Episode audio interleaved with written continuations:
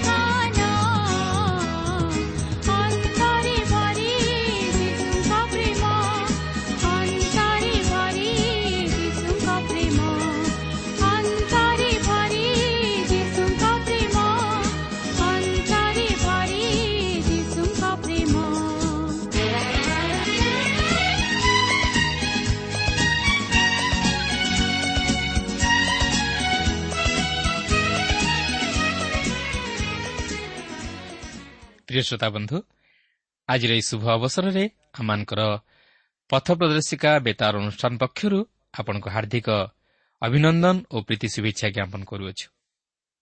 ପ୍ରଭୁ ଆପଣଙ୍କୁ ଆଶୀର୍ବାଦ କରନ୍ତୁ ଆଉ ସେ ଆହୁରି ଆହୁରି ଆପଣଙ୍କୁ ଆତ୍ମିକ ଜୀବନରେ ବର୍ଦ୍ଧିଷ୍ଣୁ କରାନ୍ତୁ। ଆପଣଙ୍କର ସହଯୋଗ ତଥା ମତାମତ ନିମନ୍ତେ ମଧ୍ୟ ବିଶେଷ ଧନ୍ୟବାଦ। ଆମର ଅନୁରୋଧ ଆପଣ ଏହି କାର୍ଯ୍ୟକ୍ରମ ନିୟମିତ ଶୁଣିବା ସଙ୍ଗେ ସଙ୍ଗେ ଅନ୍ୟମାନଙ୍କୁ ମଧ୍ୟ ଶୁଣାଇବାରେ ସାହାଯ୍ୟ କରନ୍ତୁ। ଆଉ ସେମାନଙ୍କୁ ପତ୍ର ମାଧ୍ୟମରେ ଆମ ସହ ଯୋଗାଯୋଗ କରିବା ନିମନ୍ତେ ଉତ୍ସାହିତ କରନ୍ତୁ। ଆସନ୍ତୁ ପ୍ରଭୁଙ୍କର ବାକ୍ୟ ମଧ୍ୟକୁ ଯିବା ପୂର୍ବରୁ ସଂକ୍ଷେପରେ ପ୍ରାର୍ଥନା କରିବା। ପବିତ୍ର ପ୍ରଭୁ ତୁମର ପବିତ୍ର ଆମର ଧନ୍ୟବାଦ କରୁଅଛି ସୁନ୍ଦର ସମୟ ପାଇଁ ତୁମର ଜୀବନ୍ତ ବାକ୍ୟ ପାଇଁ। ପ୍ରଭୁ ତୁମର ବାକ୍ୟ ମଧ୍ୟ ଦେଇ ଆମମାନଙ୍କ ସହିତ କଥା କୁହ। ତୁମର ପବିତ୍ର ଉପସ୍ଥିତି ଆମମାନଙ୍କୁ ଉପଲବ୍ଧି କରିବା ପାଇଁ ଦିଅ। ଯେତିକି ସମୟ ଧରି ଆମେ ତୁମର ବାକ୍ୟ ଅଧ୍ୟୟନ ବା ଶ୍ରବଣ କରିବୁ ସେଥିନିମନ୍ତେ ପ୍ରଭୁ ତୁମେ ଆମମାନଙ୍କୁ ଧୀର ସ୍ଥିର ଚିତ୍ତ ଦାନ କର। ଏବଂ ପ୍ରଭୁ ଆମମାନଙ୍କର ସମସ୍ତ ଅଯୋଗ୍ୟତା ତୁମେ ମାର୍ଜନା କର। ତୁମର ବାକ୍ୟ ମଧ୍ୟ ଦେଇ ଆମମାନଙ୍କୁ ଆତ୍ମିକ ଜୀବନରେ ବର୍ଦ୍ଧିଷ୍ଣୁ କରାଅ। ତୁମର ଉପସ୍ଥିତି ମଧ୍ୟ ଦେଇ ଆମମାନଙ୍କୁ କଢ଼ାଇ ନିଅ। ଯୀଶୁଙ୍କ ନାମରେ ମାଗୁଅଛୁ।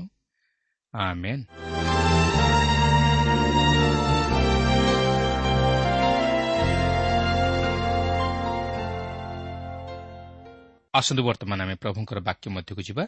ଆଜି ଆମେ ପ୍ରେରିତ ପୁସ୍ତକର ତେର ପର୍ବଟିକୁ ଅଧ୍ୟୟନ କରିବା ନିମନ୍ତେ ଯିବା।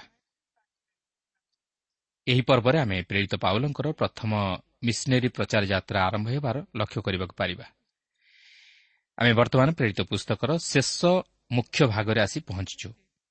ପ୍ରଭୁ ଯୀଶୁଖ୍ରୀଷ୍ଟ ପବିତ୍ର ଆତ୍ମାଙ୍କ ଦ୍ୱାରା ତାହାଙ୍କର ପ୍ରେରିତମାନଙ୍କ ସହାୟତାରେ ପୃଥିବୀର ପ୍ରାନ୍ତ ପର୍ଯ୍ୟନ୍ତ ତାହାଙ୍କର କାର୍ଯ୍ୟ ସାଧନ କରୁଅଛନ୍ତି ଯାହାକି ଆମେ ଏହି ତେର ପର୍ବଠାରୁ ଆରମ୍ଭ କରି ଅଠେଇଶ ପର୍ବ ପର୍ଯ୍ୟନ୍ତ ଲକ୍ଷ୍ୟ କରିବା ପାଇଁ ଯିବା।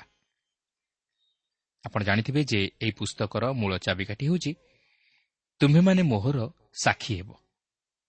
ଏହି ଆଦେଶ କେବଳ ମଣ୍ଡଳୀ ନିମନ୍ତେ ନଥିଲା ମାତ୍ର ପ୍ରତ୍ୟେକ ବ୍ୟକ୍ତି ବିଶେଷଙ୍କ ନିମନ୍ତେ ଆପଣଙ୍କ ନିମନ୍ତେ ଓ ମୋ ନିମନ୍ତେ। ଜିରୁସାଲାମ ଜିହୁଦା ପ୍ରଦେଶ ସମୀରଣ ଓ ପୃଥିବୀର ପ୍ରାନ୍ତ ପର୍ଯ୍ୟନ୍ତ ମୋହର ସାକ୍ଷୀ ହେବ। ତେବେ ଏଥିପୂର୍ବରୁ ଆମେ ଦେଖି ସାରିଛୁ ଯେ ପ୍ରଥମେ ଜିହୁଦୀମାନଙ୍କ ନିକଟରେ ସୁଷମାଚାର ପ୍ରଚାରିତ ହେଲା ଯାହାକି ଜିରୁସାଲାମ ମଧ୍ୟରେ ଓ ମଣ୍ଡଳୀ ମଧ୍ୟରେ ଶତକଡ଼ା ଶହେ ଭାଗ ଜିହୁଦୀ ବିଶ୍ୱାସୀ ଥିଲେ କିନ୍ତୁ ବିଜାତୀୟ କେହି ନଥିଲେ। ମାତ୍ର ଏହାପରେ ବିଜାତୀୟମାନଙ୍କ ମଧ୍ୟରେ ମଧ୍ୟ ସୁଷମାଚାର ପ୍ରଚାରିତ ହେଲା। ସୁଷମାଚାର ସମୀରଣ ପର୍ଯ୍ୟନ୍ତ ବ୍ୟାପିଗଲା ଓ ଅନେକ ବିଜାତୀୟ ମଧ୍ୟ ମନ ପରିବର୍ତ୍ତନ କଲେ। ବର୍ତ୍ତମାନ ସୁଷମାଚାର ପୃଥିବୀର ପ୍ରାନ୍ତ ପର୍ଯ୍ୟନ୍ତ ବ୍ୟାପିବାକୁ ଯାଉଅଛି। ଏହିପରି ଭାବେ ଏହା ଆଜି ଆପଣଙ୍କ ନିକଟକୁ ଓ ମୋ ନିକଟକୁ ଆସିଅଛି। ଓ ଆମର କର୍ତ୍ତବ୍ୟ ହେଉଛି ଏହି ସୁଷମାଚାରକୁ ନେଇ ସୁଷମାଚାର ଶୁଣି ନଥିବା ଲୋକମାନଙ୍କ ନିକଟରେ ପହଞ୍ଚାଇବାକୁ ଅଛି। ଆଜି ମଧ୍ୟ ସୁଷମାଚାର ଜଗତର କୋଣେ କୋଣେ ପ୍ରଚାରିତ ହେଉଅଛି। ଇସ୍ରାଏଲ୍ର ସୀମା ବାହାରେ ସୁଷମାଚାର ନେଇ ପହଞ୍ଚାଇବାରେ ଆମେ ଜଣେ ଅଗ୍ରଣୀ ନେତାଙ୍କୁ ଦେଖୁଅଛୁ ସେ ହେଉଛନ୍ତି ପାଉଲ।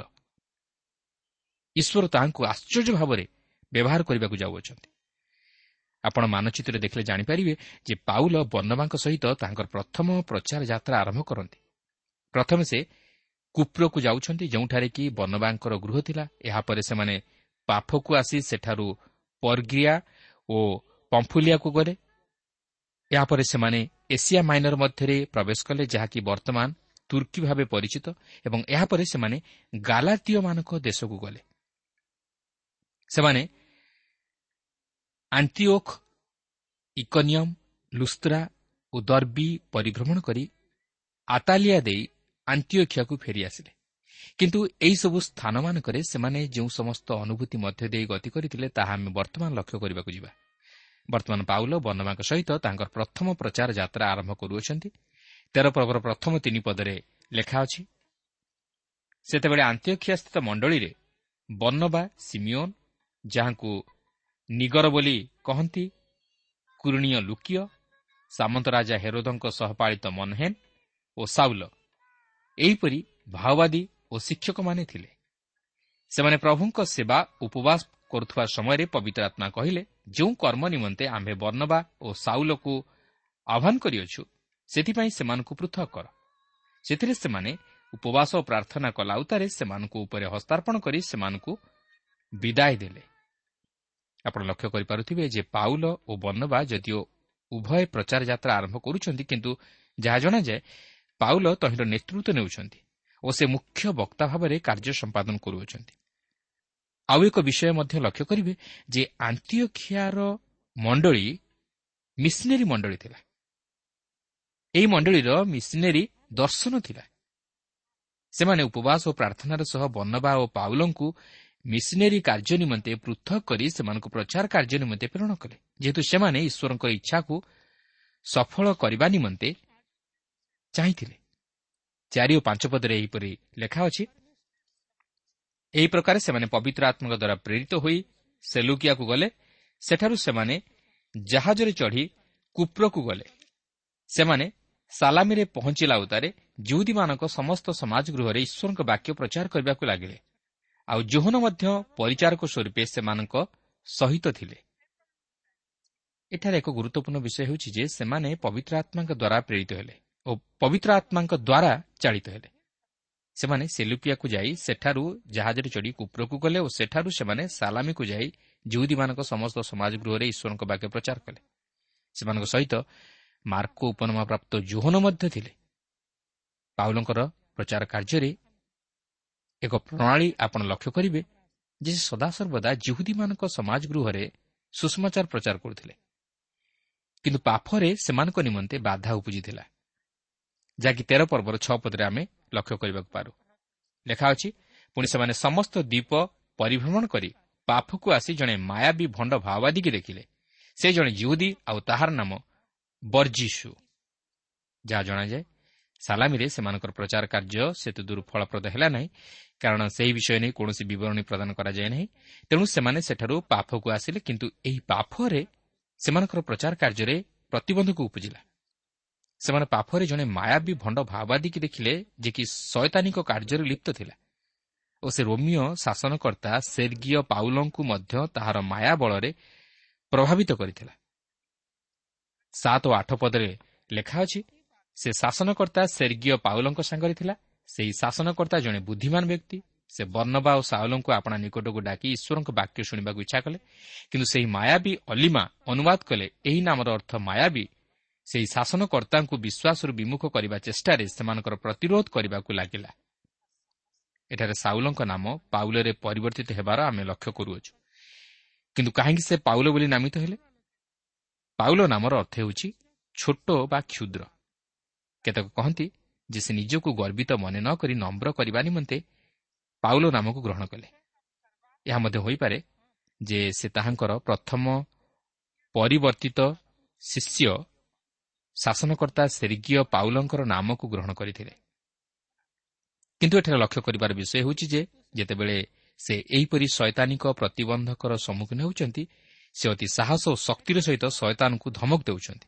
ଫଳରେ ସେହି ମାୟାବୀର ଶକ୍ତି ଆଉ କାର୍ଯ୍ୟ କରୁନାହିଁ ଓ ସେ ଅନ୍ଧ ହୋଇଯାଉଛି ଓ ତାହାର ଦଶା ଅତି ଭୟଙ୍କର ହେଉଛି। କାରଣ ଈଶ୍ୱରଙ୍କ ଶକ୍ତି ଆଗରେ ଶୈତାନର ଶକ୍ତି ହାର ମାନେ। ବାରପଦରେ ଲେଖା ଅଛି ସେହି ଶାସନକର୍ତ୍ତା ଏହି ଘଟଣା ଦେଖି ପ୍ରଭୁଙ୍କ ଶିକ୍ଷାରେ ଆଶ୍ଚର୍ଯ୍ୟ ହୋଇ ବିଶ୍ୱାସ କଲେ। ଦେଖନ୍ତୁ ପାଉଲଙ୍କର ଏହି ଆଶ୍ଚର୍ଯ୍ୟକର୍ମ ସେହି ଶାସନକର୍ତ୍ତାଙ୍କ ପ୍ରତି ଏକ ଚିହ୍ନ ସ୍ୱରୂପ ଥିଲା ଓ ପାଉଲଙ୍କର ଅଧିକାରକୁ ସାବ୍ୟସ୍ତ କରୁଥିଲା। କାରଣ ସେହି ସମୟରେ ନୂତନ ନିୟମ ଲିଖିତ ଆକାରରେ ପ୍ରକାଶ ପାଇନଥିଲା। ତେଣୁକରି ଏହିପରି ଆଶ୍ଚର୍ଯ୍ୟକର୍ମ ସାଧିତ ହେବା ଦ୍ୱାରା ସୁଷମାଚାରର ସତ୍ୟତା ଓ ଶକ୍ତି ପ୍ରକାଶ ପାଇଥିଲା ଯଦ୍ୱାରା ଲୋକେ ଖ୍ରୀଷ୍ଟଙ୍କଠାରେ ବିଶ୍ୱାସ କରୁଥିଲେ। ପାଉଲ ସେହି ଶକ୍ତି ଖ୍ରୀଷ୍ଟଙ୍କଠାରୁ ପାଇଥିଲେ ଓ ସେହି କ୍ଷମତା ମଧ୍ୟ ସେ ତାହାଙ୍କଠାରୁ ପ୍ରାପ୍ତ ହୋଇଥିଲେ। ପ୍ରଭୁ ଯୀଶୁଙ୍କର ସୁଷମାଚାର ଦ୍ୱାରା ସେ ସେହି ମାୟାବୀକୁ ପରାସ୍ତ କରିଥିଲେ ଓ ସେଜ୍ଞ ପାଉଲଙ୍କର ଆତ୍ମିକ ଚକ୍ଷୁ ଖୋଲି ଦେଇଥିଲେ ଯଦ୍ୱାରା ସେ ନିଜର ଆତ୍ମିକ ଅନ୍ଧତାକୁ ଦେଖି ଆଲୋକର ପଥରେ ଅଗ୍ରସର ହୋଇଥିଲେ ଓ ଖ୍ରୀଷ୍ଟଙ୍କଠାରେ ବିଶ୍ୱାସ କରି ଉଦ୍ଧାର ପାଇଥିଲେ। ଓ ନିଜର ଆତ୍ମିକ ଅନ୍ଧତାକୁ ଦୂର କରିଥିଲେ। ତେର ପର୍ବର ତେର ପଦରେ ଲେଖା ଅଛି ପରେ ପାଉଲ ଓ ତାଙ୍କ ସଙ୍ଗୀମାନେ ପାଫରୁ ଜଳଯାତ୍ରା କରି ପମ୍ଫୁଲିଆର ପରିଗୀକୁ ଆସିଲେ କିନ୍ତୁ ଜୋହନ ସେମାନଙ୍କୁ ପରିତ୍ୟାଗ କରି ଜିରୁସାଲାମକୁ ବାହୁଡ଼ିଗଲେ। ଏଠାରେ ଆମେ ଦେଖୁଛୁ ଯେ ମାର୍କ ଉପରମାପ୍ରାପ୍ତ ଜୋହନ ପାଉଲ ଓ ବର୍ଣ୍ଣବାଙ୍କୁ ଛାଡ଼ି ଜିରୁସାଲାମକୁ ବାହୁଡ଼ିଗଲେ। ସେ ସେମାନଙ୍କ ସହିତ ଶେଷ ପର୍ଯ୍ୟନ୍ତ ରହିପାରିଲେ ନାହିଁ। ଯାହା ଜଣାଯାଏ ସେ ସେହି ପରିଗୀକୁ ଆସିବା ପରେ ସେହି ଏସିଆ ମାଇନରର ଅଞ୍ଚଳ ପ୍ରତି ଦୃଷ୍ଟି କଲେ। ସେତେବେଳେ ସେହି ଲୋକମାନଙ୍କ ମଧ୍ୟରେ ପ୍ରଚାର କାର୍ଯ୍ୟରେ ଅନେକ ବାଧାବିଘ୍ନ ଓ ପ୍ରତିବନ୍ଧକ ଓ କଠିନତା ଘଟିବାର ସମାମନା କରି ସେ ଫେରିଯିବା ପାଇଁ ଚାହିଁଲେ ଯାହାକି ଜଣେ ମିଶନେରୀ ହିସାବରେ ବା ପ୍ରଭୁଙ୍କର କାର୍ଯ୍ୟକାରୀ ହିସାବରେ ସେ ତାହା କରିବା ଉଚିତ ନଥିଲା।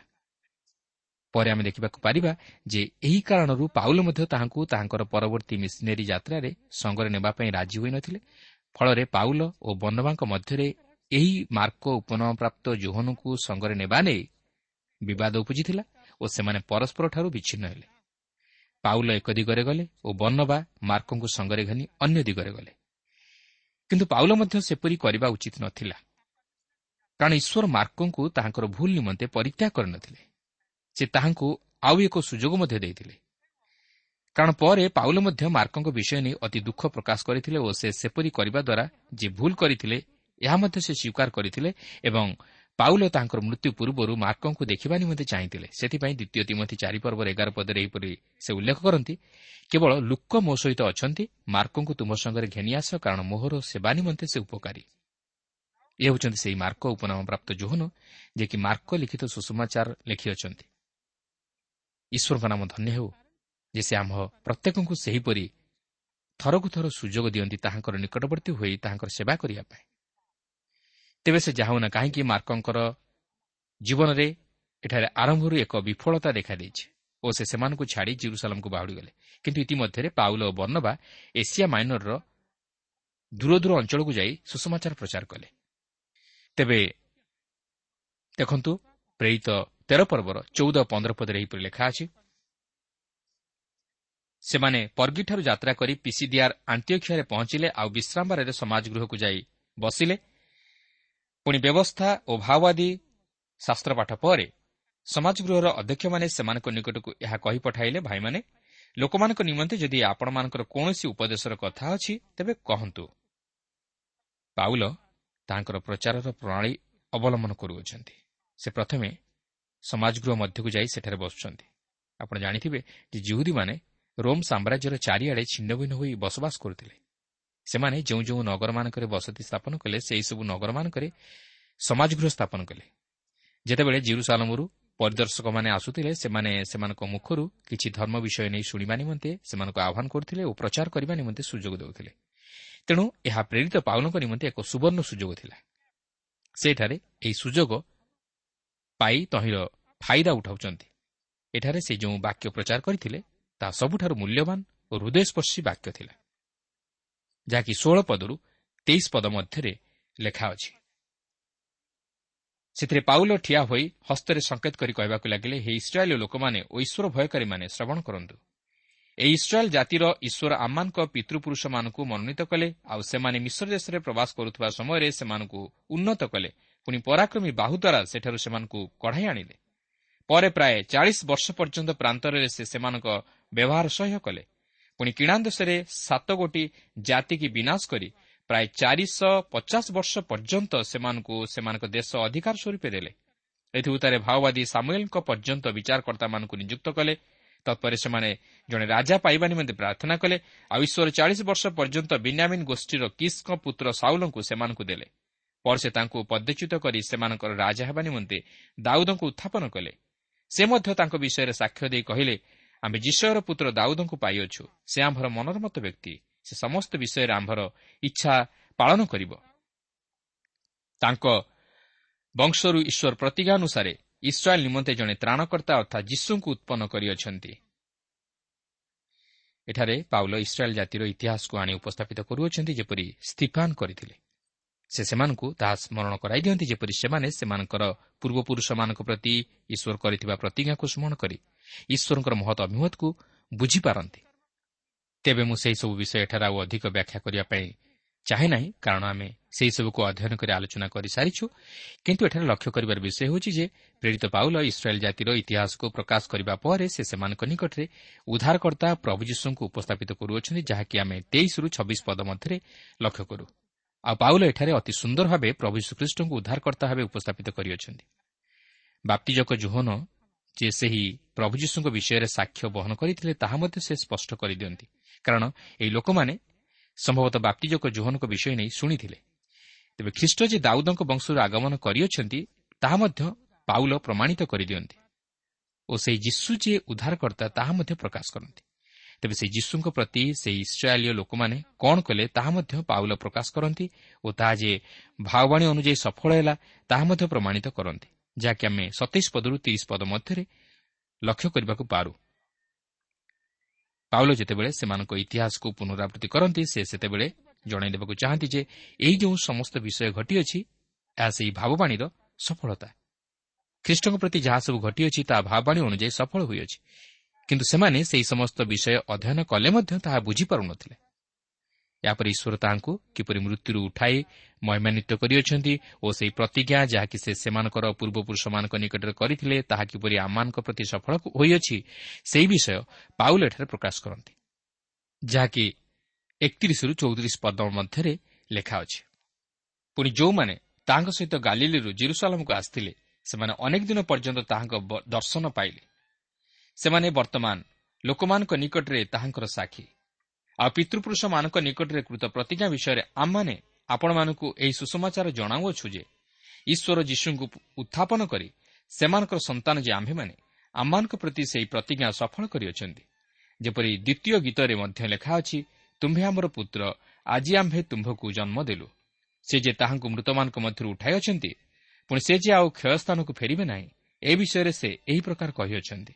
ଆମ୍ଭେ ଦାଉଦଙ୍କ ନିକଟରେ ପ୍ରତିଜ୍ଞାତ ପବିତ୍ର ଓ ଅଟଳ ଆଶୀର୍ବାଦ ସବୁ ତୁମ୍ଭମାନଙ୍କୁ ପ୍ରଦାନ କରିବା।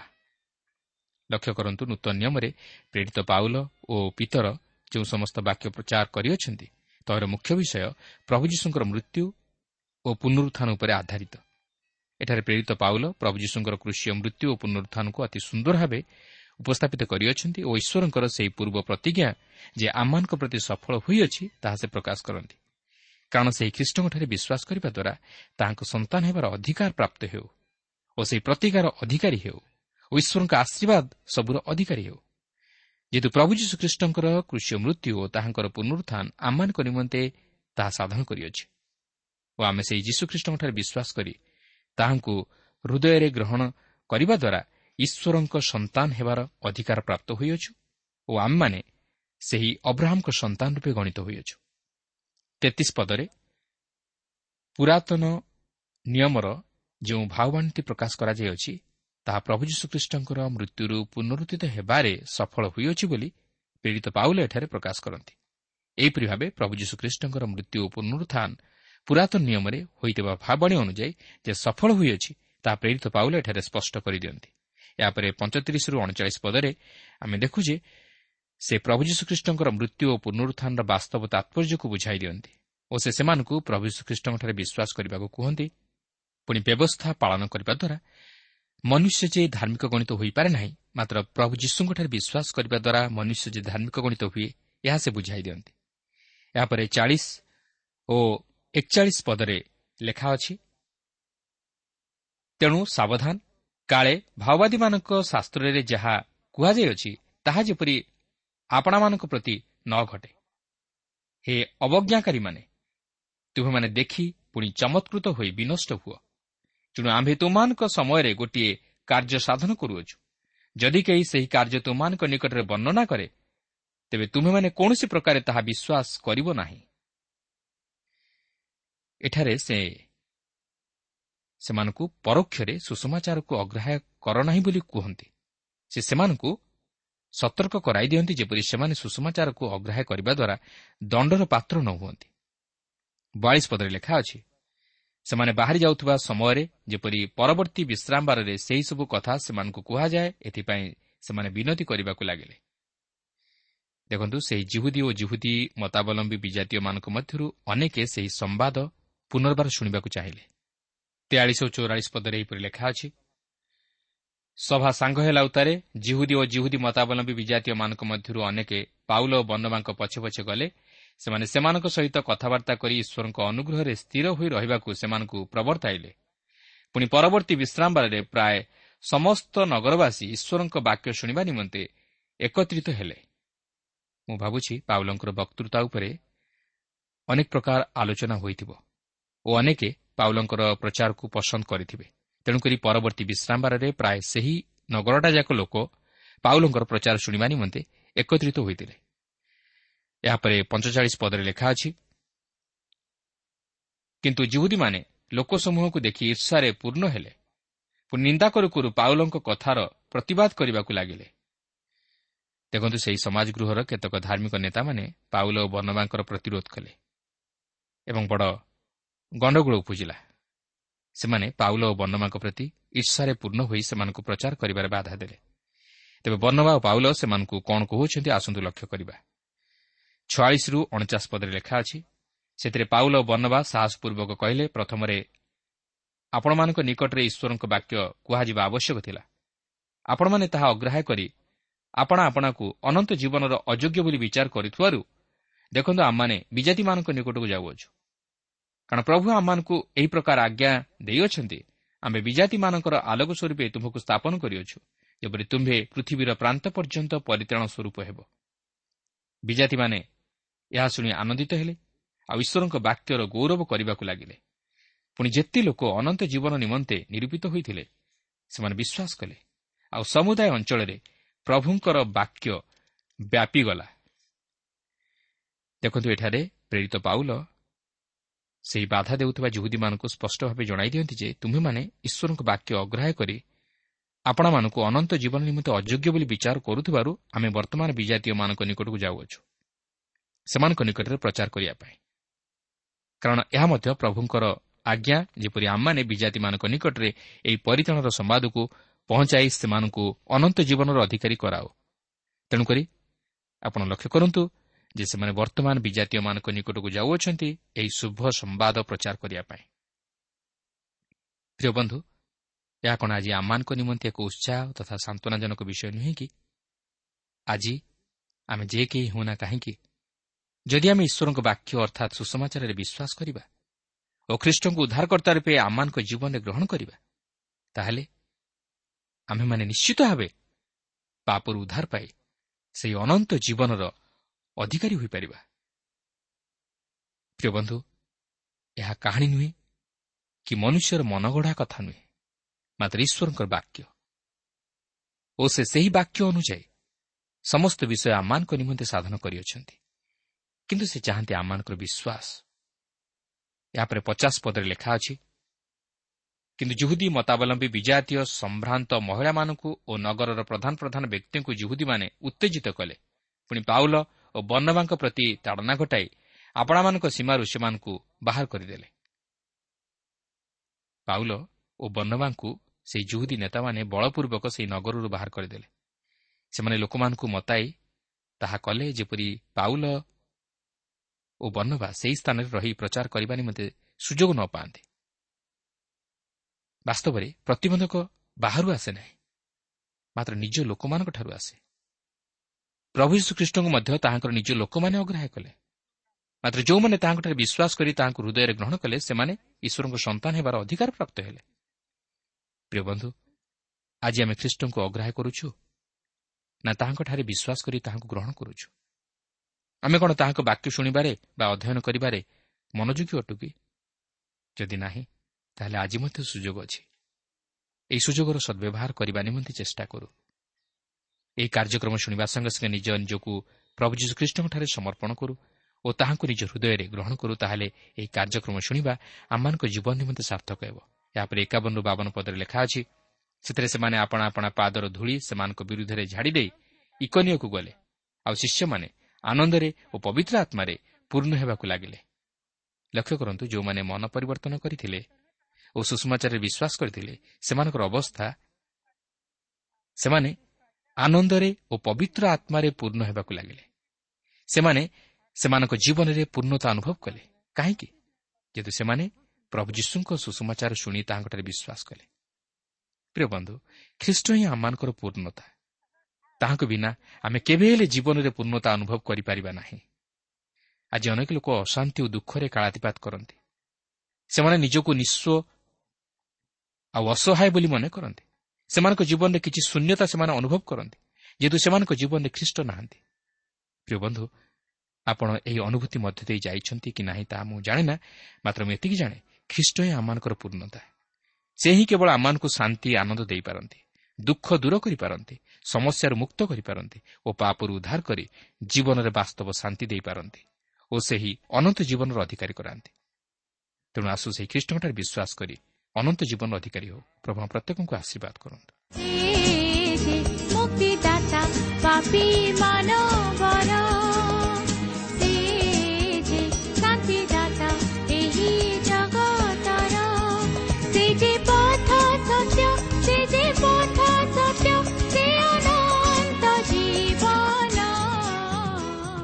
প্রিয় শ্রোতা এই কার্যক্রম শুনে আপনার অশেষ ধন্যবাদ এই কার্যক্রম আপনার কিপর লাগিলা ও কেউ বিষয়টি আপনার হৃদয় অধিক স্পর্শ করেছে তাহা লেখি জনাইলে আমি বিশেষ উপকৃত হেবু যদি কিছু প্রশ্ন বা সন্দেহ থাকে তাহা পত্র মাধ্যমে অথবা টেলিফোন যোগে আমি জনাতু আমার ঠিকনা পথ প্রদর্শিকা trans world radio India post box number তিন তিন ভুবনেশ্বর ସାତ ପାଞ୍ଚ ଏକ ଶୂନ ଶୂନ ଏକ mobile number nine seven double seven double two one four one five ଠିକଣାଟି ଆଉଥରେ ଶୁଣନ୍ତୁ ପଥ ପ୍ରଦର୍ଶିକା transworld radio India post box number three three Bhubaneswar seven five one zero zero one mobile number nine seven double seven double two one four one five ଆମର email ଆଡ୍ରେସ୍ଟି ଲେଖି ରଖନ୍ତୁ Odia TV at radio eight eight two dot com ତେବେ ଆଜି ପାଇଁ ଏଠାରେ ରଖୁଛୁ ନମସ୍କାର